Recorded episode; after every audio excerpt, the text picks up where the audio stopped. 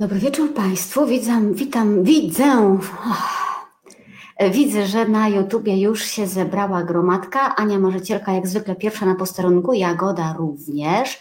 E, I Ewa, i Tadeusz, e, i Ewelina się meldują. Czekamy, aż się zameldują ludzie z Facebooka. Jako, że wiemy, że docierają tutaj odrobinkę później. E, ja dzisiaj witam Państwa z Aten. Nadal z Aten, które kocham, aczkolwiek teraz odkrywam, że to jest cudowne miejsce do życia tak do połowy maja, a potem od połowy września. Teraz nie, ja widzę, że mój czerwony nos wybija się tutaj na pierwszy plan. Trudno muszą Państwo y, przeżyć. Delila się melduje Sława Ukrainie i wczorajszym zwycięzcom mm, y, Eurowizji. Tak, gdzieś słyszałam, chociaż tak te wiadomości przemykają mi tutaj y, mimochodem troszeczkę. Małgorzata się wita z Facebooka, Maria z YouTube'a, Joanna z Facebooka. Musimy chwilkę poczekać, aż się troszkę nas zbierze i Facebook poda Państwu do oglądania tenże filmik. To jest ten trudny moment. Jak Państwo widzą, dzisiaj ani światła nie ma, ani dekoracji nie ma, po prostu po prostu idziemy, idziemy na żywioł, ale to dlatego, że są ważne treści. A my już się nauczyliśmy, no, że czasem e, treści są ważniejsze od anturażu całego. Małgorzata, e, dzień dobry. Tak jak obiecywałam, proszę Państwa, e, będzie dzisiaj z nami gość. W przedostatnim programie albo w ostatnim, jeśli nie liczyć tej porażki z Placu Wiktorii, mówiliśmy o tym, dlaczego Kościół katolicki nie święci kobiet i jakie w Kościele przemawiają za tym argumenty, albo po prostu jakimi argumentami Kościół się w tej sprawie posługuje. Więc y, naszym gościem dzisiaj będzie pan y, Dariusz Bruncz, y, szef portalu ekumenizm.pl, z którym porozmawiamy o tym, dlaczego w kościołach protestanckich kobiety mogą zostawać księżmi. E, witam e, pana Dariusza z nami. Dobry wieczór. Wieczór. Dobry wieczór. E, goście też się po kolei witają, będą się jeszcze powolutku schodzić, ale ja bym chciała, żebyśmy tak na początek, dla jasności, uporządkowali sobie, albo nie, ja jeszcze jedną rzecz muszę Państwu powiedzieć. Panu Dariuszowi już powiedziałam na dzień dobry, teraz jeszcze Państwu. E, ja bym nie chciała tutaj wchodzić ani w wielkie dysputy ekumeniczne, ani tym bardziej nie chciałabym tutaj wchodzić w spór Powiedzieliśmy sobie, jakie są argumenty y, Kościoła katolickiego, teraz po prostu posłuchamy argumentów protestanckich, dobra? I z takim założeniem w to wchodzimy, zobaczymy, kogo które argumenty przekonają. To już jak zwykle zależy od Państwa. Panie Dariuszu, y, uporządkujmy sobie przede wszystkim pojęcia. Czy my tutaj mówimy o ordynacji, czy mówimy o święceniach, czy to jest to samo, czy mówimy o kobietach kapłankach, czy mówimy o kobietach księżach? Y, I jakim, jakimi pojęciami Pan tutaj jako protestant się posługuje i jak Wy to y, kapłaństwo kobiet rozumiecie? Y, przede wszystkim dobry wieczór jeszcze raz dziękuję za zaproszenie. No, zawsze jest tak, że na. Przepraszam, przepraszam, przepraszam. Tam też są koty, proszę Państwa. Jest wszystko jak w domu. E, e, e, przede wszystkim chciałbym powiedzieć, że jeżeli chodzi o tą pojęciowość, no to przede wszystkim trzeba byłoby to uporządkować. W sensie nie ma czegoś takiego jak Kościół protestancki i oczywiście są zarówno protestanckie argumenty za ordynacją kobiet i protestanckie argumenty przeciwko ordynacji kobiet. Tak? Ja muszę przyznać, niezbyt lubię tego, to określenie protestant. Zdecydowanie bardziej wolę sobie mówić jako ewangeliku, natomiast luteraninie, natomiast no, protestant może nawet jeśli etymologicznie nie oznacza ono protestu, jak to się zazwyczaj y, y, określa, bo słowo protestant pochodzi z łacińskiego protestare, oświadczać. To nie jest negatywne, negatywne rozumienie e, tego pojęcia, czy etymologia. Bardziej chodzi właśnie o świadectwo, świadectwo głoszenia Ewangelii.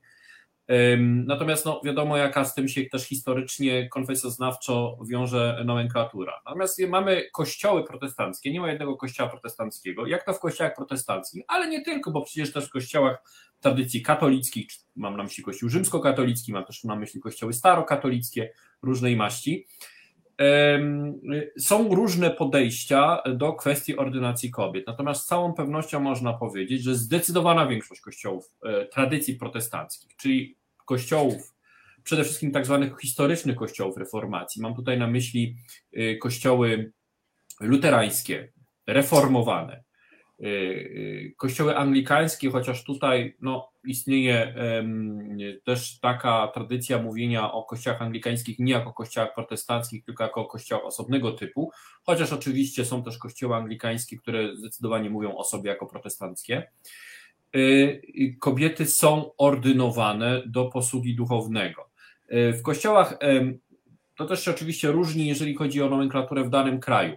W Polsce, y, czy w ogóle w większości kościołów luterańskich, nie używamy formuły, mm, raczej się nie używa formuły wyświęcania. Znaczy to ona jest w agendzie liturgicznej, też jest używana tego, używana też jest podczas nabożeństw, natomiast zdecydowanie bardziej popularną, może doprecyzuję, może nie tyle, co się nie używa, co zdecydowanie popularną jest ordynacja.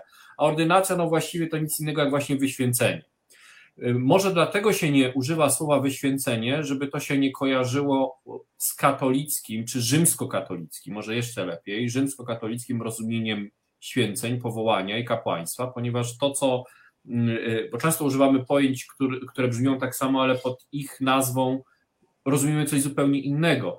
To dotyczy nie tylko kwestii święcenia, ale to też również dotyczy kwestii Kościoła, bo to, co katolicy rzymscy katolicy i ewangelicy różnej maści rozumieją pod pojęciem Kościół, to są właściwie może nie radykalnie różne, ale różne rzeczywistości. I e, mm, ordynacja kobiet w kościołach e, e, tradycji protestanckiej, czy to kościołach luterańskich i reformowanych, miała zupełnie inny przebieg między tymi właśnie rodzinami. Tutaj też dużą rolę odgrywały okoliczności natury E, lokalnej, więc e, inaczej to wyglądało w Szwecji, inaczej to wyglądało w Niemczech i oczywiście jeszcze inaczej wyglądało to e, w Polsce. Co do tytułów, no tutaj mieliśmy po tej uroczystości nabożeństwie 7 maja, ale już też przed pytania, no jak zwracać się do kobiet ordynowanych. No tutaj język polski nie jest taki elastyczny jak na przykład język niemiecki, gdzie wystarczy dodać końcówkę odpowiednią i mamy już rodzaj rodzaj żeński. Natomiast w języku polskim stosowane były do tej pory różnego rodzaju feminatywy. Ja przypomnę, że przecież Kościół Ewangelicko-Augsburski nie jest pierwszym kościołem, który stosował, który zaczął wyświęcać kobiety. Pierwszym kościołem w Polsce, który zaczął wyświęcać kobiety, to był Kościół Mariawicki. I tutaj nie było problemu, bo jest żeńska forma od słowa kapłan, e, kapłanka, prawda? Czy biskup, biskupka, wikariusz, wikariuszka, czy wikaria. I to było, i to było stosowane i nadal jest stosowane, ponieważ w kościele katolickim Mariawitów kapłaństwo kobiet zostało zachowane. Zresztą pani redaktor kiedyś na ten temat miała program. Natomiast biorąc pod uwagę to, co się działo przed 7 maja, jakich używaliśmy terminów, no to było albo pani pastor, albo pastorka, albo biskupka. Natomiast w okolicach właśnie tej ordynacji, jaka miała miejsce 7 maja w warszawskim Kościele Świętej Trójcy, były, zasiąg, zasiąg, były wysłaliśmy jako Kościół zapytania do językoznawców. Ja sam rozmawiałem z profesorem Bralczykiem, żeby się jego, o jego zdanie spytać, bo swoją pisemną opinię wyraził pan profesor Jan Miodek. Yy, I też sugerowano, no to jeszcze należałoby zapytać profesora Jerzego Bralczyka, bo ponoć jest bardziej liberalny w tej kwestii. Okazało się, że nie i mają podobne zdanie, że nie należy tworzyć na siłę, obydwaj panowie stwierdzili, że nie należy na siłę tworzyć form żeńskich od słowa ksiądz, czyli ksieni i tak dalej, że po prostu ksiądz powiedziała, księża powiedziały, księża pobłogosławiły i po prostu dopasowujemy formę czasownika do e, rzeczownika. To jest stan na dzisiaj, tak? Nie wiemy, co się stanie za parę lat, jakie będą, e, jakie będą zmiany. Tak zupełnie może poza tematem, ja pamiętam, że jak jeszcze w naszym kościele ewangelicko-augsburskim toczyła się bitwa językowa, czy wolno mówić E, luteran czy luteranów, bo słownik języka polskiego wyraźnie mówił, że luteranów, a nie luteran.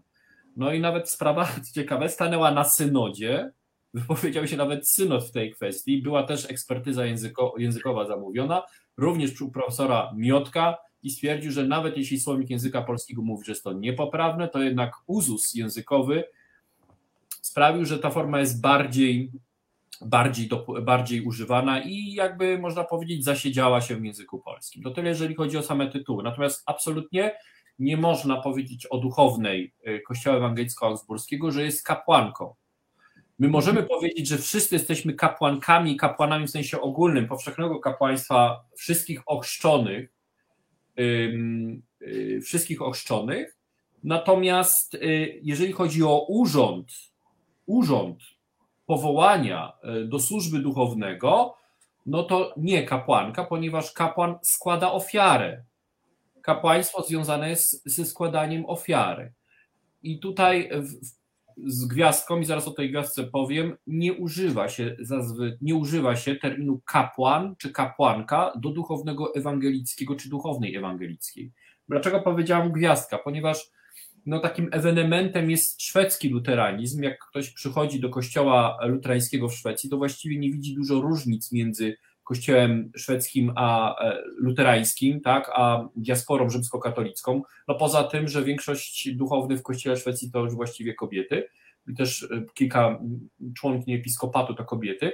E, natomiast zewnętrznie, liturgicznie jest to kościół bardzo katolicki, inaczej niż to jest w Polsce. Oczywiście nieco teraz upraszczam. I tam na przykład do dzisiaj zachowuje się słowo prest, czyli kapłan. I, i, e, I w tych skandynawskich kościołach luterańskich, mimo że teologię mamy wspólną, no to jednak używa się e, niejako, nie, nie wiem, czy tak to można nazwać szacunku do tradycji, czy po prostu tradycją, nazywa się duchownych prest, czyli kapłan. Natomiast nie jest to na pewno kapłaństwo w rozumieniu rzymskokatolickim. Jest to zupełnie inna jakość e, i inna, inne rozumienie urzędu. Więc tyle, jeżeli chodzi o te tytuły. E, no to właśnie porozmawiajmy o tym innym rozumieniu e, urzędu, funkcji. E, pan się zajmuje ekumenizmem, więc doskonale wie Pan, jak wygląda to, co to znaczy być księdzem w Kościele katolickim. Czym to się różni od bycia księdzem w Kościele na przykład luterańskim? Znaczy, no przede wszystkim tutaj kwestia bycia duchownym w kościołach ewangelickich, luterańskich wiąże się y, tą taką różnicą, która się na pewno rzuca w oczy, to jest brak celibatu. Chociaż oczywiście są też księża ewangeliccy czy anglikańscy, celibatariusze. Y, Celib y, małżeństwo oczywiście nie jest narzucane. Są duchowni, którzy nie mają żon i w tej chwili są też duchowne, teraz próbuję, tak, które nie mają mężów. Mhm. I nie jest to oczywiście obowiązek, jest to wolny wybór. Podobnie jest w innych kościołach, chociażby w tradycji właśnie anglikańskiej, starokatolickiej. I to, co się na pewno różni, to też model. Tak? On też wynika z pewnego rozumienia, e, rozumienia teologicznego, bo o ile z momentem e, święceń e, mężczyzna, tylko mężczyzna w tradycji katolickiej staje się jako alter Christus, tak? kiedy odprawia liturgię eucharystyczną, jakby w miejsce Chrystusa to czyni, z całym tym aparatem ontologicznym, tak, y, który się z tym wiąże. O tyle w kościele, e, w kościele luterańskim, e, ale też można powiedzieć właściwie we wszystkich kościołach protestanckich, urząd duchownego, może z wyjątkiem właśnie tradycji anglikańskiej, niektórych jej etapów, duchowny, służba duchownego to jest, wynika po pierwsze z z teologii Chrztu Świętego, bo poprzez Chrzest Święty wszyscy jesteśmy kapłankami i kapłanami Chrystusa. Y, natomiast a, y, zgodnie z y, tradycją kościelną nikt nie powinien publicznie sprawować sakramentów świętych i głosić Słowa Bożego, jeśli nie jest do tego należycie przygotowany i powołany w taki czy inny sposób. Czyli innymi słowy, to nie jest tak, jak na przykład w kościele rzymskokatolickim, żeby, nas, żeby była ważna Eucharystia, musi być ważnie wyświęcony kapłan, sukcesja apostolska w tym rozumieniu łańcuszka nakładania rąk. To oczywiście u nas też jest rozumienie, też jest pojęcie sukcesji apostolskiej, ale nieco inaczej rozumiane, nie jako sukcesja koniecznie urzędu, ale jako sukcesja nauki. Natomiast dlatego, żeby Eucharystia była ważna, nie jest potrzebny sakrament kapłaństwa, którego nie ma w kościołach luterańskich czy protestanckich. Nie jest potrzebny ważny urząd. On nie jest niezbędny. On jest konieczny w tym sensie, że do zachowania porządku w kościele. Natomiast y, w pandemii też mieliśmy takie przypadki i y, Wielki Piątek pamiętam 2020 roku, kiedy nasz Kościół wydał po prostu dokument, że jeżeli, y, no nie były dostępne kościoły wtedy, i Wielki Piątek, kiedy szczególnie są odprawiane nabożeństwa komunijne, sprawowana jest Eucharystia w kościele luterańskim, ma ona szczególne znaczenie, czyli zupełnie inaczej niż w kościele rzymskokatolickim, kiedy nie jest odprawiana Eucharystia, było oświadczenie, y, że jeżeli jest taka potrzeba duchowa, to jak najbardziej w, do, w tego domowe kościoły w rodzinie osoba wyznaczona, czy ktokolwiek tam w rodzinie, że tak powiem, miał takie pragnienie, ludzie po prostu po domach odprawiali nabożeństwa komunijne. Tak? Bo są ochrzczeni. Oni mają wszystko, co jest potrzebne do tego, aby być chrześcijaninem, do, ażeby y, zaistniała, y, żeby była Eucharystia, tak? Bo nie jest ważna osoba, która celebruje, jakieś tam kwestie związane z jej ontologiczną właściwością, ale to, co jest kluczowe w rozumieniu Eucharystii w Kościele Luterańskim, jest to, że mamy że mamy obietnicę Chrystusa zawartą w Verba Testamenti i mamy elementy chleba i wina. Tak? To jest augustiańska definicja e, e, sakramentu, element plus Słowo Boże. Oczywiście sam element nie wystarczy, musi być Słowo Boże. Jak wierzymy, ono jest skuteczne. Ono nie wraca puste. Dlatego te, ta Eucharystia jest ważna, bez względu na to, czy jest to osoba e, ordynowana, czy nie. Ale oczywiście dla zachowania w porządku w Kościele nikt nie powinien publicznie sprawować sakramentu Wieczerzy Pańskiej, jeśli nie jest do tego e, powołany i ustanowiony. Dlatego, kiedy jest sprawowana władza kluczy w Kościele ewangelickim, duchowny wyraźnie mówi, jako powołany i ustanowiony sługa, czy teraz służebnica pańska, zwiastuje wszystkim pokutującym łaskę i odpuszczenie grzechów, tak? Przedtem jest ten fragment, który mówi, którymkolwiek grzech odpuścicie są odpuszczone, którymkolwiek zatrzymacie są im zatrzymane. Czyli te słowa, które wypowiadał Chrystus, w naszej tradycji, ale nie tylko w naszej, interpretowane są jako powołanie, czyli ten pneumatologiczny dar dla całego Kościoła, nie dla jakiejś wybranej grupy, kasty, obdarowanej święceniami, ale do wszystkich. Natomiast, ażeby zachować porządek w Kościele, te słowa y, wypowiada w trakcie uroczystości liturgicznej, czy mówiąc po katolicku celebracji liturgicznej, nabożeństwie duchownym. Mhm. No myślę, że tutaj jakby Państwo sami widzą, słyszą i rozumieją, że dotykamy jakiegoś ważnego elementu. Jakby świadomie nie chcę dyskutować, po prostu zostawiamy tak to mhm. wygląda. E, jeśli Państwo mają jakieś pytania e, do Pana Dariusza, to tutaj jest jakby specjalista, spokojnie, spokojnie te pytania przypominam, że można zadawać. E, Panie Dariuszu, proszę mi powiedzieć, czy to święcenie, ordynowanie kobiet w kościele luterańskim, ale też w innych kościołach protestanckich, y, czy ono od początku, czyli gdzieś od reformacji było naturalne, czy coś nam się zerwało połączenie? Nie. Y, czy jednak y, trwała dyskusja, czy dorastali, ja to lubię. E, czy dorastaliście też do tego? Jak wyglądała ta droga do tego, że kobiety mogą tej, mogą być tymi, które właśnie urzędowo jakby przewodniczą tej, tej celebracji? Hmm. To znaczy, to jest taka ciekawostka, na którą też zwracają uwagę historycy, y, historycy katolicy, że w pewnym momencie, to jest taka pewna sprzeczność związana z reformacją. Proszę zobaczyć, kiedy reformacja w tym swoim pierwszym etapie pozamykała klasztory, to właściwie kobiety straciły, mm, straciły e, możliwość tego awansu zawodowego w kościele, mówiąc językiem świeckim korporacyjnym, prawda? E, nie było już e, kobiet kierujących klasztorami ze szczególną jurysdykcją mhm. gdzie miały pełnię władzy, tak? I w pewnym momencie, jak te kobiety zaczęły uciekać z tych klasztorów, e, niektóre z własnej z przekonania religijnego, bo opowiedziały się za, były całe klasztory, które się opowiadały za reformacją i te kobiety wychodziły z klasztorów. No, najbardziej promiennym przykładem jest chociażby żona Lutra, czyli Katarzyna von Bora, prawda, która była e, też e, mniszką. I w 25 roku Luther ją poślubił. Natomiast w tym początkowym okresie kobiety, kobiety właściwie no nie za bardzo miały się gdzie podziać w kościołach ewangelickich. Tak? Ale z drugiej strony, y, w momencie, kiedy w momencie, kiedy y, reformacja postawiła na edukację religijną i to wszystkich, tak, y, także kobiet, zaczęła rosnąć też świadomość, świadomość teologiczna. Co ciekawe, kiedy obchodziliśmy 5 lat jubileusz tysiąclecia reformacji, pojawiło się mnóstwo publikacji, które pokazywały, że reformacja to nie było tylko dzieło mężczyzn, ale też kobiety zawsze były, no niestety, niektóre bardziej na przodzie, głównie to były szlachcianki, ale też były kobiety, które w tle pociągały za sznurki, teologiczne sznurki i też włączały się do tej rozmowy teologicznej.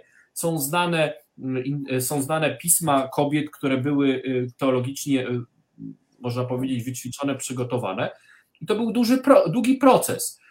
I oczywiście, tak jak w całym wczesnym chrześcijaństwie i także dzisiaj, zbudowanym patriarchalnie, gdzie no, twierdzono, że kobieta to tylko do garów, tak? Przecież jeszcze ta pruska stara zasada trzy razy K, Kirche, Kinda, Küche, była wręcz podnoszona do prawd wiary, prawda? Że, że no jak to? Co ciekawe, jak w 2016 roku było głosowanie w naszym synodzie mm, przegrane w związku z ordynacją kobiet, kiedy po raz pierwszy liczba zwolenników ordynacji kobiet przekroczyła liczbę przeciwników, nawet ci, którzy głosowali przeciwko, twierdzili, że no właściwie nie ma teologicznych argumentów przeciwko ordynacji kobiet, ale są społeczne czy społeczno-religijne, no bo jak kobieta może kierować parafią? No jak kobieta może rządzić domem? No nie da się, no nie może. Kobieta to tylko wiadomo powinna być posłuszna mężczyźnie. I takie były niestety argumenty zupełnie nieteologiczne i te argumenty się, są przywoływane z takiej, można powiedzieć, dosyć fundamentalistycznej strony, tak? no, że, mm, no, że tylko właściwie do układania kwiatów w kościele i ewentualnie prowadzenia koła pań i to i tak jeszcze w dodatku pod nadzorem mężczyzny i przywoływanie takich archaicznych cytatów zupełnie wyrwanych z kontekstu historyczno-kulturowego, że kobieta ma milczeć w zgromadzeniu męskim, że kobieta jest nieczysta, y, y, że kobieta y, to jest ona, która prawda, tego biednego Adama ściągnęła na, na ścieżki grzechu. I oczywiście mamy cały repertuar, począwszy od ojców Kościoła, poprzez też niektórych reformatorów, którzy o kobietach kobietach e, mówili mm, źle. Ale z drugiej strony mam też bardzo dużo wypowiedzi, które, pokazują pewną zmianę myślenia. No i e, jak to bywa w sytuacjach kryzysowych, kiedy następowały sytuacje kryzysowe, to jest chyba dziedzictwo całego chrześcijaństwa, także na przykład prawosławia. Tam, gdzie po prostu istniała potrzeba, kobiety ratowały i dźwigały ten kościół. I to też było widoczne w wielu krajach E, w wielu kościołach ewangelickich e, w Europie, zniszczonej przez II wojnę światową, gdzie po prostu kobiety brały sprawy w swoje ręce i mimo wielkich obiekcji e, mężczyzn, tych takich związków męskich, klerykalnych, jednak brały kościół i niosły kościół, czy nawet nie tyle kościół, czy po prostu niosły Ewangelię, tak? czyli sprawiały, że kościół dalej oddychał a Kościół nie ma większego skarbu jak właśnie Ewangelia. Mhm. Y, rzeczywiście były argumenty tylko takie socjologiczno-społeczne? Nie było poważnych argumentów teologicznych przeciw? Znaczy, argumenty teologiczne nie są, znaczy, może tak, argumenty teologiczne były tak, typu, takie, które zna, znają też, też Państwo z z Kościoła rzymskokatolickiego, a że Chrystus powołał tylko 12 mężczyzn na apostołów, no, tylko że to nie jest żaden poważny argument teologiczny, ponieważ liczba 12 apostołów odpowiada 12 plemionom Izraela. Jest to symbol. Biblia jest naszpikowana symbolami i jest to raczej powoła, raczej było to samo uzasadnienie Kościoła, że Kościół jest tym prawdziwym nowym Izraelem, który zaakceptował Mesjasza. E, wiemy przecież, wiemy przecież z historii Kościoła, z różnych źródeł, że kobiety zawsze szły, były wokół, wobec, wokół Jezusa, z Ewangelii to wiemy, ale koronnym takim może argumentem jest to, że kto pierwszy zwiastował Ewangelię. Jeżeli Ewangelia jest zwiastowaniem o śmierci i zmartwychwstaniu Chrystusa, zwiastowały kobiety. Komu zwiastowały? No temu wielkiemu, oświeconemu gronu apostołów, którzy siedzieli przestraszeni, zamknięci w dziupli i przychodzą kobiety i im zwiastują. Chrystus zmartwychwstał, Chrystus żyje. Tak? Oni nie wierzą. Dlaczego nie wierzą? No bo świadectwo kobiet nie miało żadnego znaczenia. Tak? A już szczególnie niezamężnych kobiet. A już o wdowach zupełnie nie, nie mówiąc, tak, no bo stąd mamy też tą przypowiedź o wdowim groszu. I to jest właśnie niesamowite w chrześcijaństwie, y, że y, ono nie jest jakąś tam propagandą sukcesu, tylko że już jakby można powiedzieć z tego PR-owego punktu widzenia widzimy, że jest prowokacja, no, już od historii narodzenia pańskiego, tak, no, no nie, kobieta Maria zachodzi w ciążę, tak, nie ma męża i, no, i skandal, no powinna być ukamienowana przecież, tak, za cudzołóstwo. No i, i, i a później, kobiet, i później e, kobiety przynoszą gorszącą wiadomość, że ten, którego, e, o którym e, mówiono, że popełnia bluźnierstwa, przecież wiemy, jak w Stary Testament księgi mojżeszowe mówiły, co, jaka, kim są ci, którzy, który kara się w ten sposób, czyli śmiercią na palu, czyli jak Rzymianie na krzyżu, że to, byli, to był najgorszy, najgorszy sort, najbardziej hańbiąca, najbardziej hańbiąca e, śmierć. No i w tym momencie wkraczają kobiety, tak? E, można powiedzieć całe na biało i głoszą. No, czy może być coś bardziej w ówczesnych czasach nie, niewiarygodnego jak kobieta przynosząca Ewangelię, a jednak autorzy Ewangelii decydują się, że to kobietom, tym wykluczonym, przypisują rolę e, tych, które zwiastują e, zbawienną wieść. Chrystus zmartwychwstał. Tak? I, no i później wiadomo, jak się potoczyła historia Kościoła. Kobiety zostały z tej historii Kościoła wymiecione, e, zasłonięte, przysłonięte i niestety zdegradowane i zesłane do roli służek. Tak? I ten apostolski, wybrano parę różnych cytatów, także kobieta ma milczeć w zgromadzeniu męskim, E, z listu do Koryntian, a wiemy, jaka była też sytuacja zboru w Koryncie. E, I, I właściwie przysłonięto to, co było od samego początku rewolucyjnego w chrześcijaństwie. Nie masz, to co później Paweł mówi, nie masz mężczyzny ani kobiety, tak?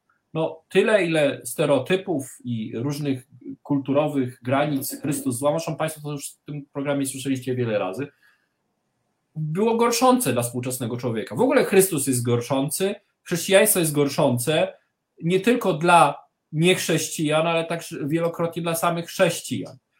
I, I ten proces był. To nie jest tak, że nagle przyszła reformacja i była, była wielka ciemność i nastała wielka jasność przez, przez za, za pomocą ewangelików, ale to był też proces, do którego dorastaliśmy. I te argumenty, które są może nie dokładnie te same, bo nie ma, jak powiedziałem, tej teologii kapłaństwa, które są powtarzane w kościołach prawosławnych, rzymskokatolickich, są e, też obecne, ale na marginesie trzeba to jasno powiedzieć, na marginesie kościołów protestanckich.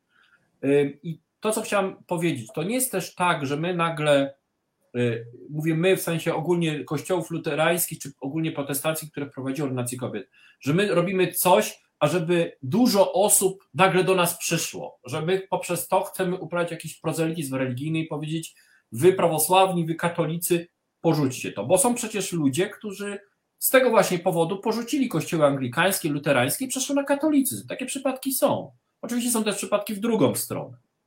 Natomiast to nie jest działanie pod publiczkę, to nie jest działanie, które jest obliczone na coś, bo oczywiście nie wszyscy się z tą decyzją zgadzają. Większość synodu była za, ale byli też tacy, którzy są przeciwni.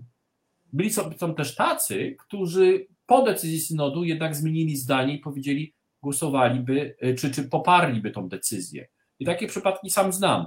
Natomiast y, y, ta decyzja wynikała z odpowiedzialności pneumatologicznej, czyli odnoszenia się do tego, co działa duch w kościele, ale przede wszystkim z tej odpowiedzialności, która wynika z powszechnego kapłaństwa wierzących. Skoro Chrystus powołuje poprzez chrzest, skoro jesteśmy ochrzczeni wszyscy w imieniu trójnego Boga, skoro żaden z sakramentów, jakie mamy, czyli chrzest i komunia święta, nie są naszą własnością, ale są darem dla nas, przez nas, ale dla nas i dla całego świata, to nie mamy władzy, żeby odmawiać, tak samo jak nie odmawiamy dzieciom chrztu, nie mamy władzy odmawiać powołania do służby bez względu na osobę. Tak to Chrystus działa poprzez sakramenty, nie człowiek. To Chrystus działa poprzez Słowo, poprzez Ducha Świętego, a nie człowiek. My jesteśmy tylko narzędziami. I to był główny argument, tak? Czyli ta teologia powszechnego głoszenie Ewangelii. To jest najważniejsze. Jeżeli Kościół przestanie głosić Ewangelię, no to staje się po prostu mm, jakąś organizacją charytatywną e, z jakimś tam religijnym tłem i tyle. Natomiast jeżeli e, odmawiamy, jeżeli odmawiamy w pełni głoszenia Ewangelii e, wszystkim do tego powołanym, a wierzymy, że kobiety są też powołane i każdy, kto doświadczył służby kobiet w Kościele o tym wie, no to nie jest w naszej mocy, nie jest naszym prawem odmawiać komukolwiek. Czyli jest to zupełnie, się przysłuchiwałem Państwa dyskusji tydzień temu, to jest zupełnie inna optyka, odwrotna optyka od tego, jaka jest w Kościele rzymskokatolickim, który mówi, że nie mamy um, władzy wyświęcać kobiet. No, my nie mamy władzy ich nie wyświęcać. Mhm. Więc jeżeli, jeżeli jeszcze ostatnie zdanie, jeżeli na przykład w dyskusjach ekumenicznych się pojawia, proszę podać argument, proszę, no jak to, czy to nie zaszkodzi, y, y, zaszkodzi y, kontaktom ekumenicznym? No, przede wszystkim absolutnie nie zaszkodzi, dlatego że mamy zupełnie inne rozumienie kapłaństwa tak, i powołania i kościoła. Po drugie, jeśli może zaszkodzić, no to równie dobrze możemy tą perspektywę odwrócić i powiedzieć, że no, może zaszkodzić, dlatego że Kościół rzymskokatolicki nie ordynuje kobiet, tak? I natomiast ja uważam, że nie jest to żadna przeszkoda, e, co też pokazały doświadczenia ekumeniczne na Zachodzie e, i nie tylko na Zachodzie, i po prostu jesteśmy inni, tak? Nie chodzi teraz o to, że ja Państwa będę przekonywał do, do, do swojej opcji, czy Państwa do mojej, tylko po prostu jesteśmy inni. E, I chrześcijaństwo zawsze było wielosymfoniczne, zawsze było mozaiką, i tak, są różne koty, tu tak się odwołam, tutaj akcent może trochę prywaty. Tak samo są różne teologie, tak? I, i nigdy chrześcijaństwo, sama, sam kanon Pisma Świętego i same księgi biblijne są świadectwem różnorodności. Tak? Jeżeli w Nowym Testamencie mamy kilkadziesiąt, jeśli nie kilkaset opisów na to, jak czym jest Kościół, no to to przecież nie może być jednej mundurkowej wizji Kościoła. E, zanim e, zadam pytania od widzów, bo już to Justyna pyta, Marcin pyta, widzę Wasze pytania, ale e, muszę najpierw sama zadać to pytanie, które zadawałam w programie.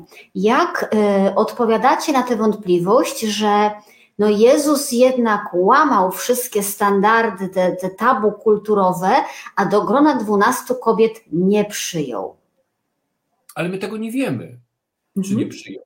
My no nie wiemy, tak, nie patrzmy na Ewangelię, to, też to, to, co akurat mówię, to nie jest żadna e, wiedza tajemna i, i, chyba każdy biblista katolicki też by się z tym zgodził. Ewangelie, które powstały dosyć długo po śmierci i zmartwychwstaniu Chrystusa, Ewangelie nie są, nie są dokumentami historycznymi. Tak? Tym bardziej, jeżeli się przypatrzymy Ewangelią e, jak, jak różny, a nieraz wręcz sprzeczny sposób relacjonują centralne wydarzenia dla wiary chrześcijańskiej. Chociażby ma, mam na myśli właśnie kwestię zmartwychwstania. Jak mamy różne relacje, no nie muszę chyba w tym gronie tłumaczyć, jak e, różny sposób opowiadania o historii zbawienia misji Jezusa jest między Markiem a Janem, tak? Mhm. Jak, czy nawet pozostając w gronie Ewangelii synoptycznych, jak różna jest teologia wynikająca z tego, dla kogo były te Ewangelie pisane, e, czy dla e, zborów, kościołów e, judeo-chrześcijańskich, czy pogano-chrześcijańskich, czy takich, których były, że tak powiem, ten wybuchowy miks judeo i pogano-chrześcijan. Chrystus powoływał, oczywiście było dwunastu apostołów, ale widzimy też w Ewangeliach, które jak podkreślam nie są dokumentami historycznymi, a świadectwem wiary, widzimy też kobiety, tak? Które, które też pełnią tą apostolską rolę. I nie na darmo, także w tradycji wschodniej mówi się o Marii Magdalenie jako równej apostołom. Tak? Te kobiety zawsze były i przede wszystkim one, to już powtarzam się w tej chwili, przynoszą tą centralną wieść. Chrystus zmartwychwstał. Jeśli nie ma, i sam apostoł Paweł mówi, on nie znał Ewangelii, one powstały dopiero po jego śmierci. Jeśli nie ma zmartwychwstania, no to daremna jest wiara nasza i zamykamy nasze kościoły i, i, i robimy coś innego. to nie jest argument teologiczny, przynajmniej w perspektywie teologii luterańskiej czy protestanckiej, ogólnie szczerze mówiąc, że Chrystus powołał samych mężczyzn, bo sama teologia urzędu, my nie mamy w Nowym Testamencie gotowej teologii urzędu. I każdy dogmatyk katolicki to powie, że również teologia urzędu w kościele, e, w kościele katolickim się rozwijała. E, ona zawsze podlegała jakim e, debatom, rozmowom, polemice. Urząd biskupa to nie jest to, co dzisiaj jest, i sama też można powiedzieć, różny koloryt tych osób biskupów w różnych kościołach pokazuje, jak mocno się to chrześcijaństwo rozwijało i różniło w wielu kwestiach. Są przecież bibliści, badacze Pisma Świętego, którzy podkreślają, że no, urząd biskupa to na początku chrześcijaństwa to był po prostu administrator, który zajmował się tym, co w danej parafii E, w danej wspólnocie, nie parafii, przepraszam, w danej wspólnocie było ważne dla tych kwestii materialnych, jak oni byli od biednych, a prezbiterzy od głoszenia Słowa Bożego i prezbiterki, tak? Natomiast biskup, dopiero urząd biskupa w tym, można powiedzieć, wymiarze monarchiczno-instytucjonalnym y, nabiera znaczenie w, w kontekście brutalnych prześladowań chrześcijan, tak? I wtedy się pojawia te te, te, pojawiają się te słynne wypowiedzi ojców, którzy mówią, że tam, gdzie biskup, tam jest kościół. Tak? Ale to cały czas jest rozwój. Tak samo jak idea papiestwa się rozwija, tak samo jak idea kapłaństwa się rozwija, to wszystko jest w pełni. Także dzisiaj, no, nawet w przestrzeni Kościoła rzymskokatolickiego, to jak dzisiaj katolicy rozumieją kapłaństwo czy rolę kapłana, zdecydowanie różni się od tego, jak rozumieją, rozumieli to katolicy mm, jeszcze przed Soborem Watykańskim II. Czyli trochę inną drogą, czy inaczej są akcenty rozłożone w, w rozumieniu luterańskim, rozumienia tej posługi kapłańskiej, tak jak dla nas to pytanie o dwunastu mężczyzn jest jednak kluczowe, tak dla Was to nie jest jakby zasada kapłaństwa. Okej, okay, rozumiem. Idziemy do pytań, bo nie mogę dalej komentarzy podrzucać, żeby mi nie uciekły. E, trochę nie o kapłaństwo kobiet, ale niech to wybrzmi. Justyna pyta, e, że w kościele katolickim ta władza kluczy należy do papieża. Jak w takim razie w kościołach protestanckich jest rozumiana rola Piotra jako skały, na której Jezus buduje kościół? Tak, no to jest akurat temat niezwiązany z ordynacją kobiet, dotyczy on właśnie między innymi tych rzeczy, które są, które najbardziej dzielą kościoły ewangelickie i kościół rzymskokatolicki, kwestia rozumienia e, urzędu duchownego, no i, no i kontrowersyjna kwestia papieża. W mhm. obecnej formie papiestwo, e, e, i to jest jedna z większych kości niezgody, absolutnie nie jest do zaakceptowania przez kościoły ewangelickie. Są oczywiście prowadzone dialogi dialog ekumeniczny dotyczący tego, jak można ekumenicznie sprawować y, papiestwo. Zachęcił do tego Jan Paweł II, e, słynną encykliką Ut Unum Sim, tylko no, że na encyklice się skończyło i to właściwie nie przyniosło żadnych rezultatów. Tak? To było piękne, wzniosłe słowa, ale nic po nich nie zostało. Natomiast e, odpowiadając już wprost na to pytanie, y, to wyznanie y, w kościołach protestanckich, ale też prawosławnych, nie jest te słowa, które zostały powiedziane do Chrystu, przez Chrystusa do Piotra, nie odnoszą się do osoby Piotra, tylko do wyznania, jakie Piotr złożył. Tyś jest Chrystus, Syn Boga żywego. To wyznanie jest kluczowe. I na tym wyznaniu, nie na osobie Piotra, ale na wyznaniu, które Piotr złożył, jest, buduje się Kościół, bo inaczej Kościół nie może istnieć, jak, jeżeli nie będzie jego, jego skałą, nie będzie Chrystus. Na skale Chrystus stoi. Kościół stoi, przepraszam. Czyli, ale tą skałą nie jest Piotr skałą jest Chrystus. Y, o tym też bardzo pięknie opowiada hymnografia ewangelicka. Y, jest mnóstwo pieśni, które to podkreślają. Natomiast to wyznanie, które, to, te słowa idź i paś owieczki moje, to nie jest wyznanie skierowane, tak my to rozumiemy, tylko i wyłącznie do Piotra, tylko do wszystkich powołanych. Tak też to jest ujmowane w teologii prawosławnej. To jest, do, przy czym prawosławni to o, ograniczają do kolegium biskupów, tak? Natomiast y, to y, y, o budowaniu kościoła są piękne słowa, które odnoszą się do nas wszystkich, bez wyjątku. To, co Chrystus wypowiada do poszczególnych apostołów, jeżeli wierzymy, że Pismo Święte jest natchnione, a tak wierzymy, że działa przez nie Duch Święty, one są skierowane do nas wszystkich.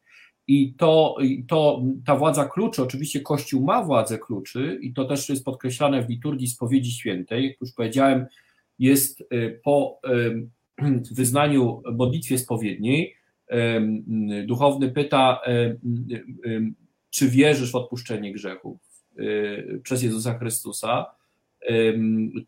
czy żałujesz za swoje grzechy najpierw, czy wierzysz w Jezusa Chrystusa i czy pragniesz z pomocą Ducha Świętego poprawić życie swoje. I później mówi, jak wierzysz i jak pragniesz, tak niechaj ci się stanie, tak, że Pan nasz Jezus Chrystus do swoich apostołów, którymkolwiek grzechy odpuścicie, są im odpuszczone, którymkolwiek zatrzymacie, są im zatrzymane.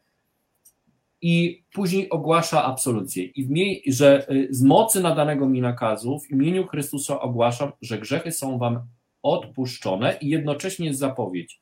Wszystkim tym przypominam, którzy grzechów swoich nie wyznali, że grzechy są im zatrzymane. I to jest ta władza kluczy w sensie uroczystym, ale przypominam też, że ta władza kluczy sprawowana jest przez nas wszystkich, przez nas wszystkich, kiedy wypowiadamy modlitwę pańską. Bo przecież tam jest wyraźnie powiedziane. I odpuść nam nasze winy, jako my, my odpuszczamy naszym winowajcom. Teraz pytanie, czy my rzeczywiście odpuszczamy te grzechy naszym winowajcom. My też w naszym życiu sprawujemy władzę kluczy.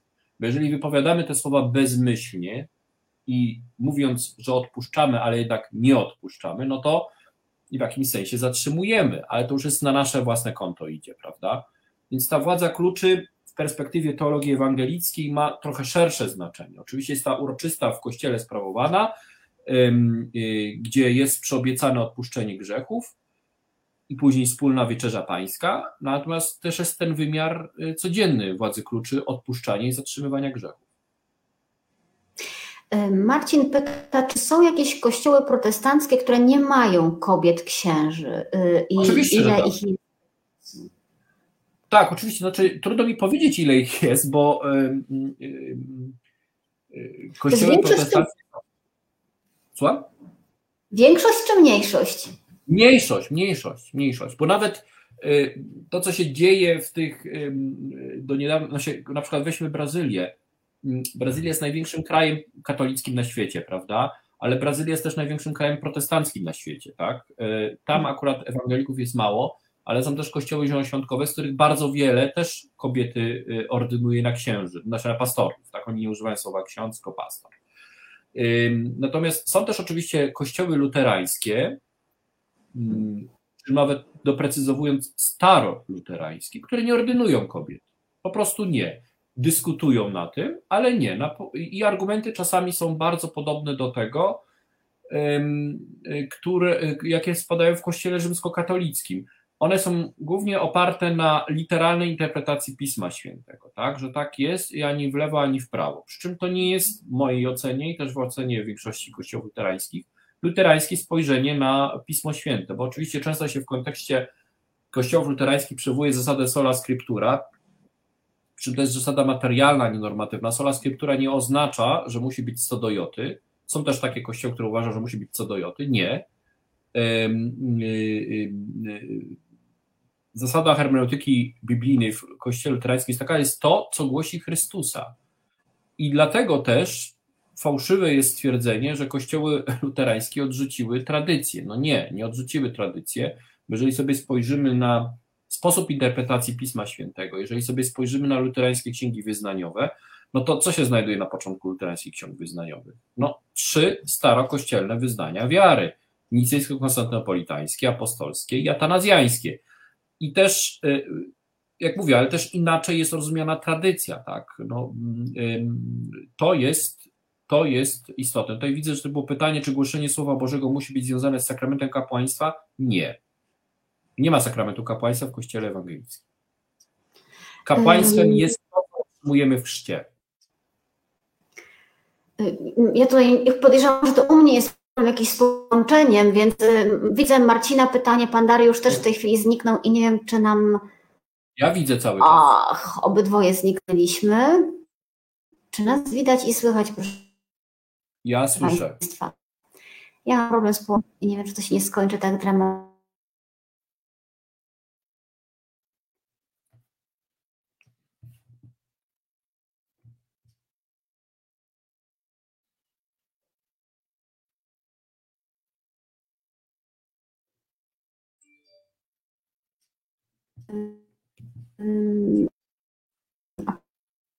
Pana Dariusza dowiedzieć Pana. I mam pytanie, się połączenie, to jest, y, to jest dla mnie, dla mnie ważne. Dlaczego w Polsce tak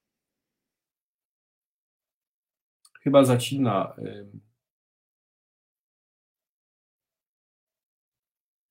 Ja nie słyszę pani redaktor.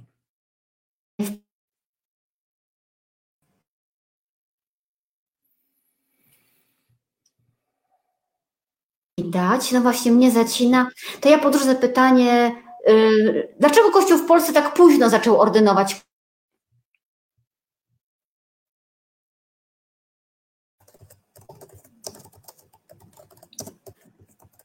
Czy teraz się słyszymy? Tak, ja mam połączenie, u mnie połączenie zrywa, ale proszę mówić.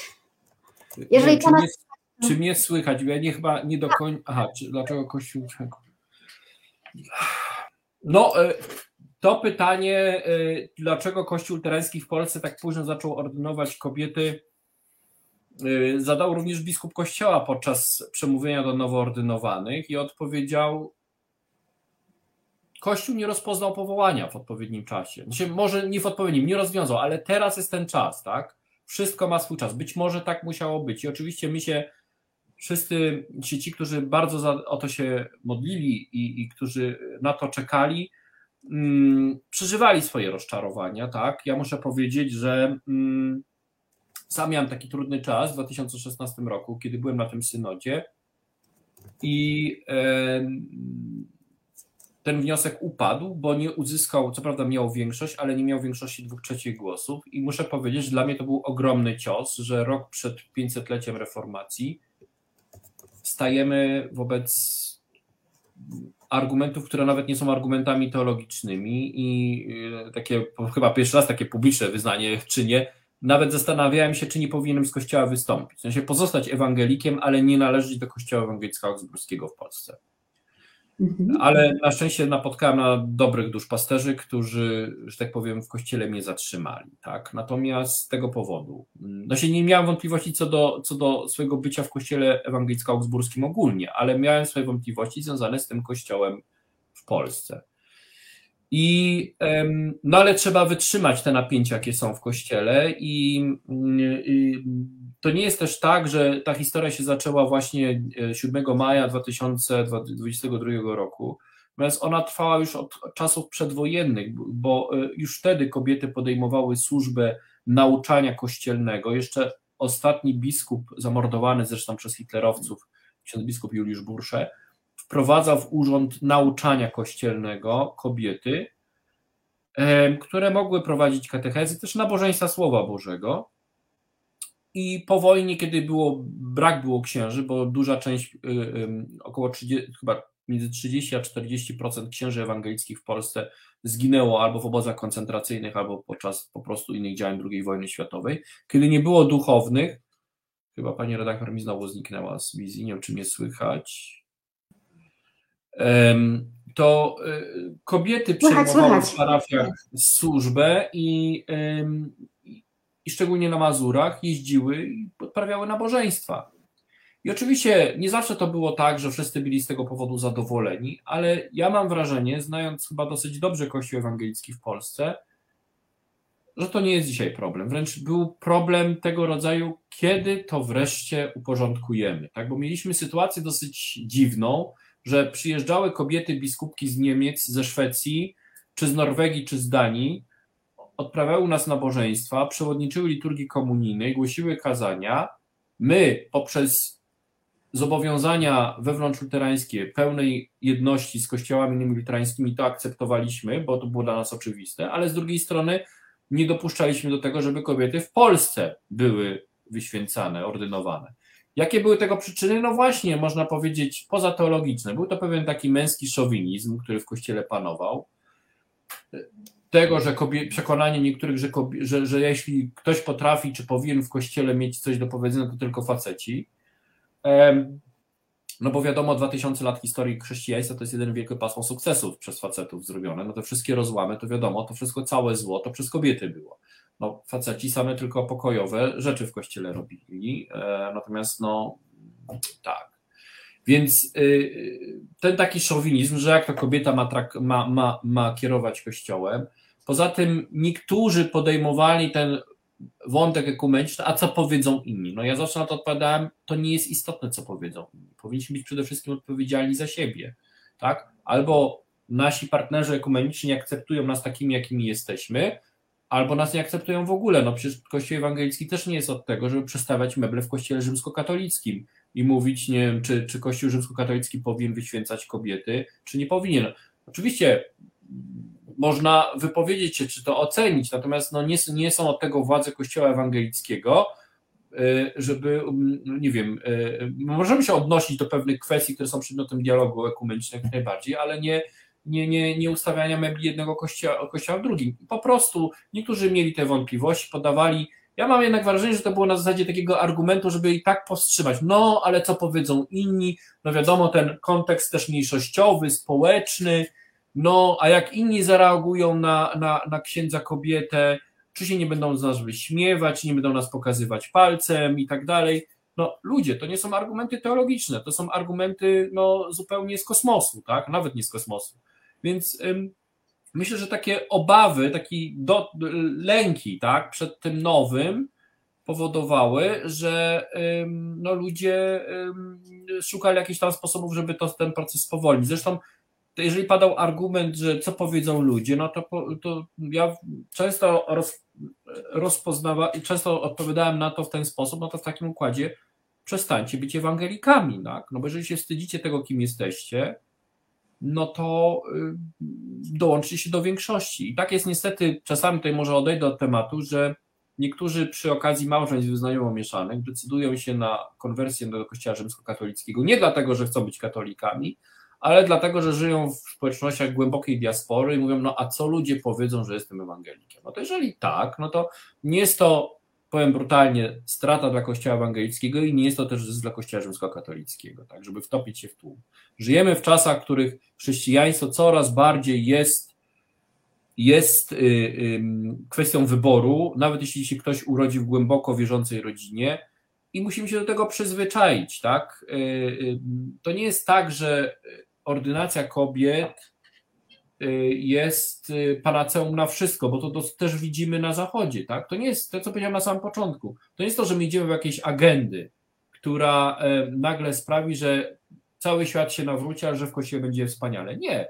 Także w kościołach ewangelickich, w których są ordynowane kobiety, nadal jest, są problemy ewangelizacyjne, nadal są jakieś problemy z nadużyciami, może nie do końca takimi, jakie są w Kościele rzymskokatolickim, innymi, ale y, to wszystkich problemów nie rozwiąże. I tak samo ordynacja kobiet w Kościele Ewangelicko-Augsburskim w Polsce nie rozwiąże tych problemów, jakie czekają, jakie są przed nami. A tym, a tym, a tym jest y, chociażby braki kadrowe, tak? I to też nas czeka. Y, mała liczba e, powołań i, i dlatego tak istotne jest właśnie sprawowanie tego powszechnego kapłaństwa wszystkich wierzących, nie tylko osób ordynowanych, czyli wyświęconych. Y, czy ta ordynacja kobiet w Kościele Ewangelicko-Augsburskim w Polsce oznacza, że kobiety za czas jakiś będą też biskupkami w tak. Polsce? Tak, ale do tego czasu musi, y, mm, trochę musi minąć czasu, ale to nie ze względów na nie ze względu na e, jakieś aspekty teologiczne, tylko jest to prawne, bo żeby zostać biskupem, trzeba mieć 10 lat, 5 lat, zaraz chyba, przepraszam, ten chwilę zaraz pokręcę. Po 5 latach jest się proboszczem, można zostać dopiero proboszczem, tak? Przez 5 lat jest się wikariuszem. I dopiero po 5 latach można zostać wybranym na proboszcza. I musi minąć co najmniej 5 lat samodzielnej placówki, czyli pełnej odpowiedzialności administracyjno-duszpasterskiej, żeby można zdobyć uprawnienie do tego, aby kandydować na biskupa diecezji czy biskupa kościoła. Więc zanim pani, które były ordynowane, nabędą te, chyba że się zmieni prawo, nabędą te uprawnienia, to trochę czasu minie, zanim w Polsce będziemy mieli luterańskie biskupki. Mam nadzieję, że to będzie szybciej niż, niż później. E, tak się zbliżamy do końca i boję się, że nam znowuż połączenie zerwie. Ja przepraszam, bo to jest, to jest mój problem tutaj, ale proszę powiedzieć e, z takiego praktycznego punktu widzenia, jak wygląda to przygotowanie do bycia księdzem w kościele ewangelicko-augsburskim? Czy są jakieś seminaria duchowne? Jak wygląda ta formacja? dlaczego akurat te kobiety, a nie inne?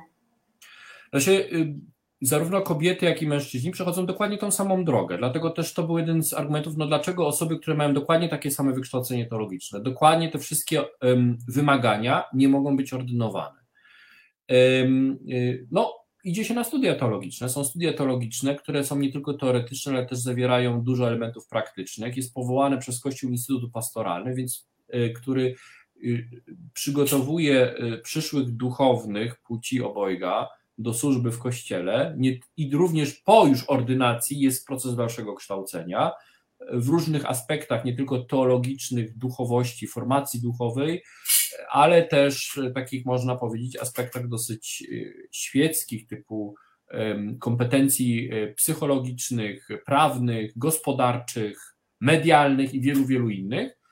Y, są studia teologiczne, podczas których też e, studenci, studentki odbywają praktyki parafialne. Już wtedy występują w strojach liturgicznych, odprawiają nabożeństwa, pomagają w parafiach, szczególnie w okresie wakacyjnym i już mają ten kontakt z, z tą ścisłą e, rzeczywistością kościelną prowadzenia parafii.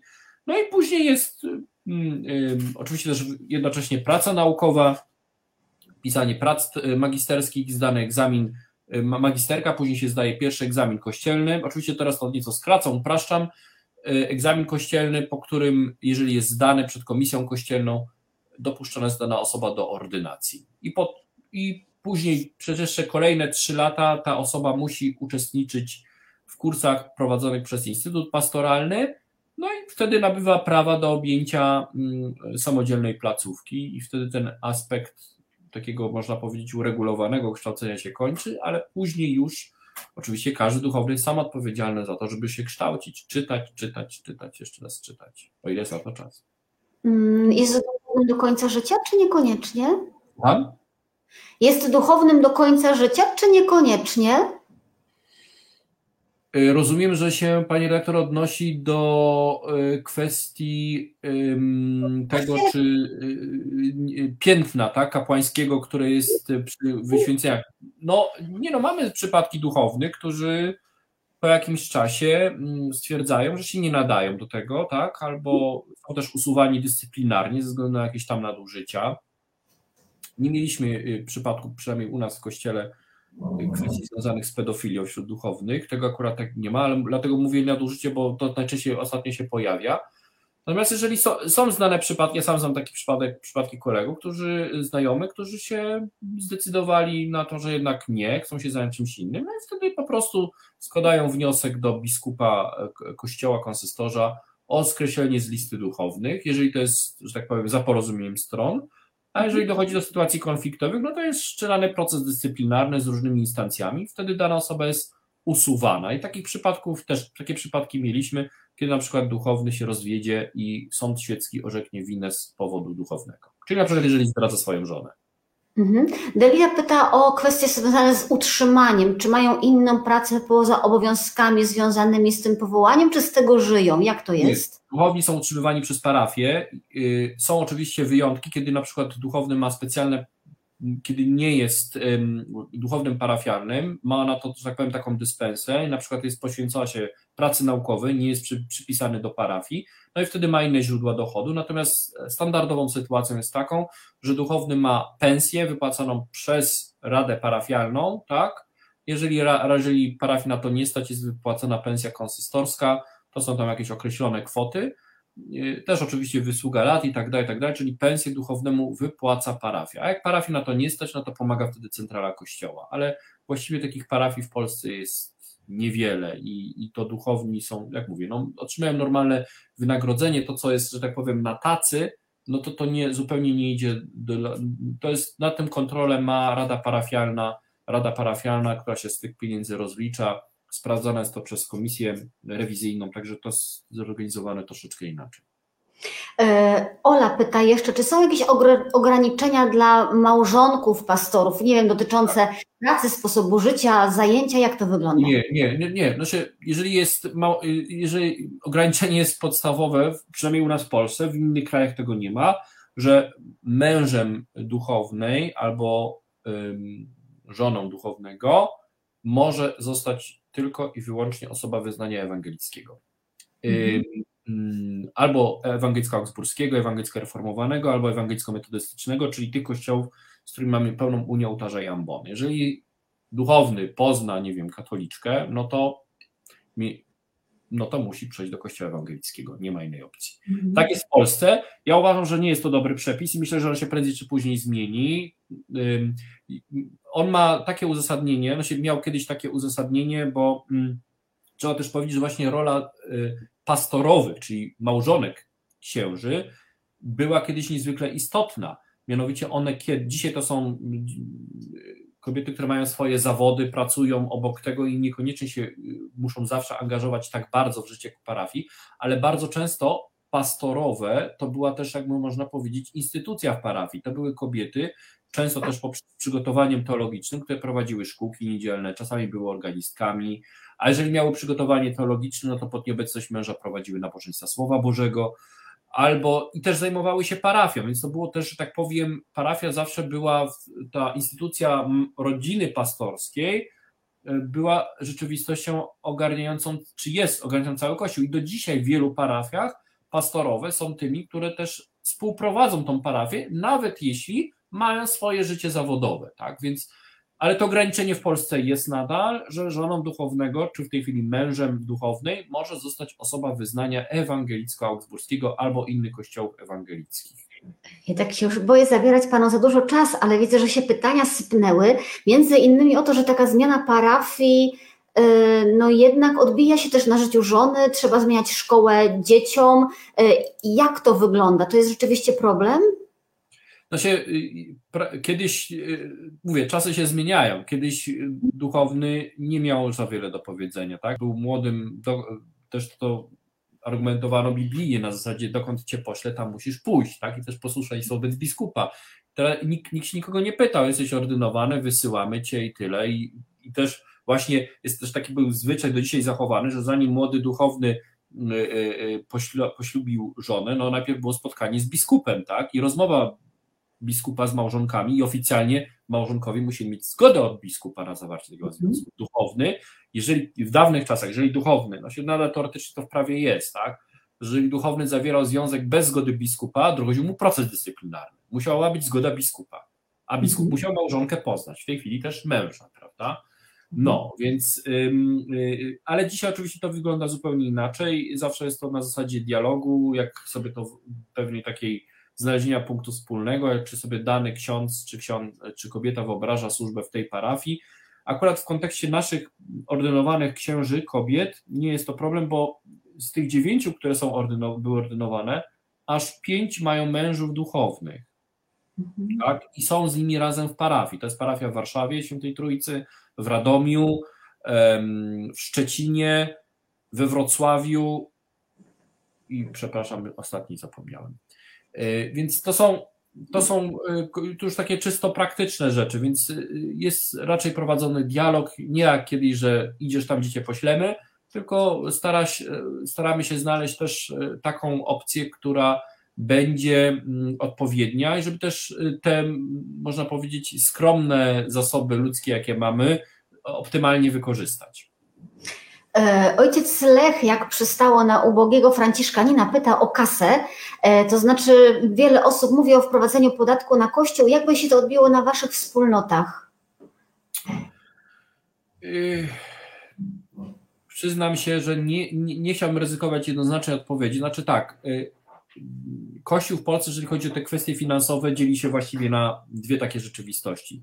Są kościoły głębokiej diaspory, gdzie, nie, gdzie ludzi jest zdecydowanie mniej, ale mają część majątku odzyskanego po II wojnie światowej, z którego żyją. Tak? Gdyby miały żyć tylko z samych ludzi, byłoby trudno. Inaczej zupełnie przedstawia się sytuacja tego kościoła, można powiedzieć, ludowego na południu Polski, na Śląsku Cieszyńskim, gdzie mieszka ponad połowa polskich ewangelików. To są parafie, które właściwie funkcjonują tak jak parafie rzymskokatolickie, żyją z ludzi. Tak? Albo mają niewielkie jakieś tam nieruchomości. I tam, gdzie szczególnie są tereny rolnicze, tak, y, i, gdzie parafii głównie są rolnicy, no to myślę, że to by się mogło odbić dosyć nieciekawie. Natomiast te parafie, które jednak są w dużych aglomeracjach, y, no to finansowo mm, myślę, że sobie by jakoś poradziły, tym bardziej, że czekamy z niecierpliwością na ten cenzus, który był w zeszłym roku. Z tego co wiem, wyniki będą religijne, jeżeli chodzi o mm, e, przynależność religijną deklarowaną albo sympatyków, mhm. będą dopiero ogłoszone w sierpniu przyszłego roku. I jestem też ciekaw dlatego, jak dużo osób, nie będąc nawet członkami Kościoła Ewangelicko-Augsburskiego, ile się będzie identyfikowało z tym kościołem, bo tak my podajemy liczbę 62 do 65 tysięcy, ale myślę, że ona może być troszeczkę większa, ze względu na osoby, które nie są członkami kościoła oficjalnie, ale z tym kościołem się czują związane. I mówię to dlatego, że jeżeli by na przykład wprowadzono takie rozwiązania podatkowe, no to przecież e, każdy sam by określał, jako, jaką kwotę. Natomiast ja bym był ostrożny z podatkiem kościelnym, bo w Niemczech, gdzie to jest taką instytucją, można powiedzieć, koronną, ono to rozwiązanie bierze jakby niepotrzebnie dalej y, y, trzyma ten sojusz tronu i ołtarza. Tak? Mamy dwa kościoły dominujące w Niemczech, rzymskokatolicki i ewangelicki, i teraz ta nowo rządząca koalicja e, socjal-liberalna y, chce doprowadzić do no, rozluźnienia tych związków, może nie od razu likwidacji podatku kościelnego, ale wiele różnych innych można powiedzieć, transferów, które są e, z państwa do kościołów e, przekierowane. Ja jestem jak, jak najbardziej za, e, za jak najluźniejszymi związkami państwa i kościoła. Akurat też historia reformacji na to dowodzi, też jest na to do, pokazuje, że kiedy te związki są bliższe, bliskie, no to absolutnie nie działa to, szczególnie w tym późniejszym okresie reformacji, może na początku to miało swoje jakieś uzasadnienie, no nie wychodzi to dobrze, tak? I na szczęście te związki zostały pozrywane, poluzowane, szczególnie w Skandynawii. Naprawdę ostatnie już pytanie, y, bo kiedy oglądałam tę uroczystość i tutaj kilka osób o tym pisało, kiedy oglądaliśmy tę uroczystość ordynacji, to nawet dla nas, katolików, y, to tam było wiele takich wzruszających momentów. E, ja bym chciała zapytać, jakie uczucia Panu towarzyszyły, kiedy, kiedy Pan na tę uroczystość patrzył, na żywo z tego, co kojarzę, e, tym bardziej, że zna Pan tych ludzi. Czy to było takie rzeczywiście poruszające dla Pana osobiście też wydarzenie, zmieniające coś w ogóle w byciu we wspólnocie? Znaczy tak, to się ja swoje emocje też opisałem w komentarzu na ekumenis.pl, pozwolę sobie zareklamować też stronę, przepraszam za tą prywatę, natomiast dla mnie było to ogromnie poruszające, dlatego że co najmniej 20 lat, nie chcę używać wielkich słów, sam też angażowałem się i walczyłem o ordynację kobiet w kościele, zabierałem głos w wielu różnych dyskusjach i też to w czasie, kiedy to nie zawsze było mile widziane i też z tym się wiązały różnego rodzaju konsekwencje, ale to było dawno temu.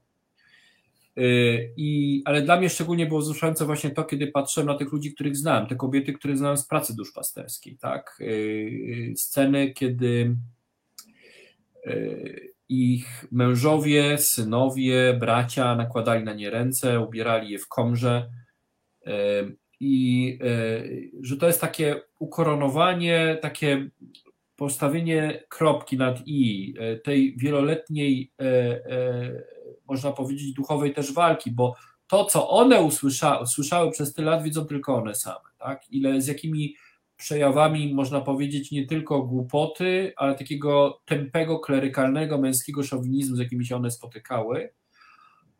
Ale nie tylko męskiego, bo przecież też są kobiety przeciwniczki ordynacji kobiety, to też trzeba jasno wyraźnie powiedzieć z tymi też słowami, gdzie musiały za każdym razem starać się być lepsze, że więcej wymagano od nich niż od facetów, tak? Facetom puszczano płazem, tak? One musiały nie tylko pokazać, że potrafią, ale że potrafią też lepiej, tak? I ten, ta wielka presja społeczna, ekumeniczna i ta wewnątrzkościelna mm, to powodowało właśnie takie ogromne wzruszenie na tej uroczystości, że, że dotarliśmy do pewnego punktu, gdzie postawiona została tama. I ja się przyznam, bardzo się wzruszyłem. Moi znajomi, były takie momenty podczas uroczystości.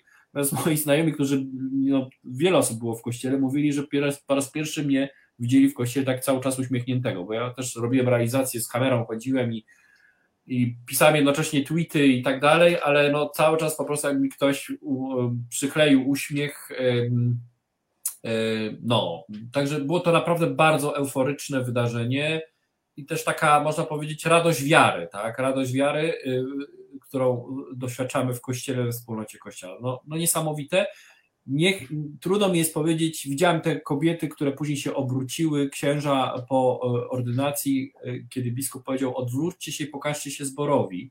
Ludzie zaczęli spontanicznie bić brawa, tak? No, biskup z przekąsem stwierdził, że tego nie było w porządku e, liturgicznym, tak? I, ale i część z nich, część z nich płakała, tak? Bo to jest wzruszający moment, to jest wzruszający moment. To jest, I to było święto nie tylko ich, choć ich przede wszystkim, ale święto całego Kościoła, dlatego w swoim komentarzu napisałem, to było takie majowe święto reformacji. Dla nas to było, dla wielu z nas, może nie dla nas wszystkich, bo nie chcę mówić w imieniu wszystkich, coś niesamowitego, coś ogromnego. No muszę powiedzieć, że nie, byłem, nie byłem tak wzruszony nawet, kiedy było to te wielkie uroczystości, mieliśmy z okazji 500-lecia reformacji i tak dalej, ale to było coś niesamowitego i muszę powiedzieć, że czasami odtwarzam sobie te filmiki, które sam zrobiłem, żeby sobie przypomnieć to, co było. I to jest naprawdę historyczny moment. Myślę, że to jest też ciekawe, że chyba można tak powiedzieć, że nawet jeżeli my jako katolicy E, mówimy, ok, nasz Kościół nie święci kobiet, to w takim trochę duchu ekumenicznym i braterskim możemy powiedzieć, tak, cieszymy się z tej waszej uroczystości i z tego waszego otwarcia i, i z radości tych kobiet. To, to nie jest coś, czemu możemy być przeciwni, buntować się. Super, nie. tak? Ja patrzę to z wzruszeniem. Ja pani powiem, redaktor, że na uroczystości było bardzo wielu katolików, także mm. znanych dziennikarzy katolickich, którzy mm byli na tej uroczystości, nie będę oczywiście wymieniał ich nazwisk, którzy byli na tej uroczystości nawet wiadomo, łamiąc nieco przepisy swojego kościoła, przystąpili też do komunii świętej udzielanej przez kobiety. Także katolików nie brakowało na tej uroczystości. Było wielu katolików, y, których ja znam, kojarzę z, z działalności ekumenicznej. Byli też przedstawiciele innych wyznań, y, mniej lub bardziej oficjalnie. Natomiast no, y, to przede wszystkim było święto, święto naszego kościoła, też święto całej rodziny luterańskiej, bo przypomnę na tym nabożeństwie byli też e, ewangelicy z, z Estonii, był arcybiskup Estonii, z Węgier, z, z Niemiec, ze Szwecji, z, z, wielu krajów, także mm, to było wspólne święto. I myślę, że gdyby nas ta pandemia tak nie rozleniwiła, to byłoby jeszcze więcej osób, chociaż nie o ilość tutaj chodzi i byłoby jeszcze więcej gości zagranicznych i to też się szerokim echem y, odbiło też w całym, w całym świecie, bo oczywiście są kościoły luterańskie, które tego nie ordynują kobiet, zresztą podczas naszej dyskusji o tym powiedziałem, że kościół Estonii się, nie Estonii, tylko Łotwy się wycofał, mhm. co też doprowadziło do pewnego rozłamu w tym kościele. Natomiast no, dla nas, dla polskich luteran, którzy czekaliśmy na ten moment od dawien, dawna, było to przede wszystkim mm, święto radości wiary, tak?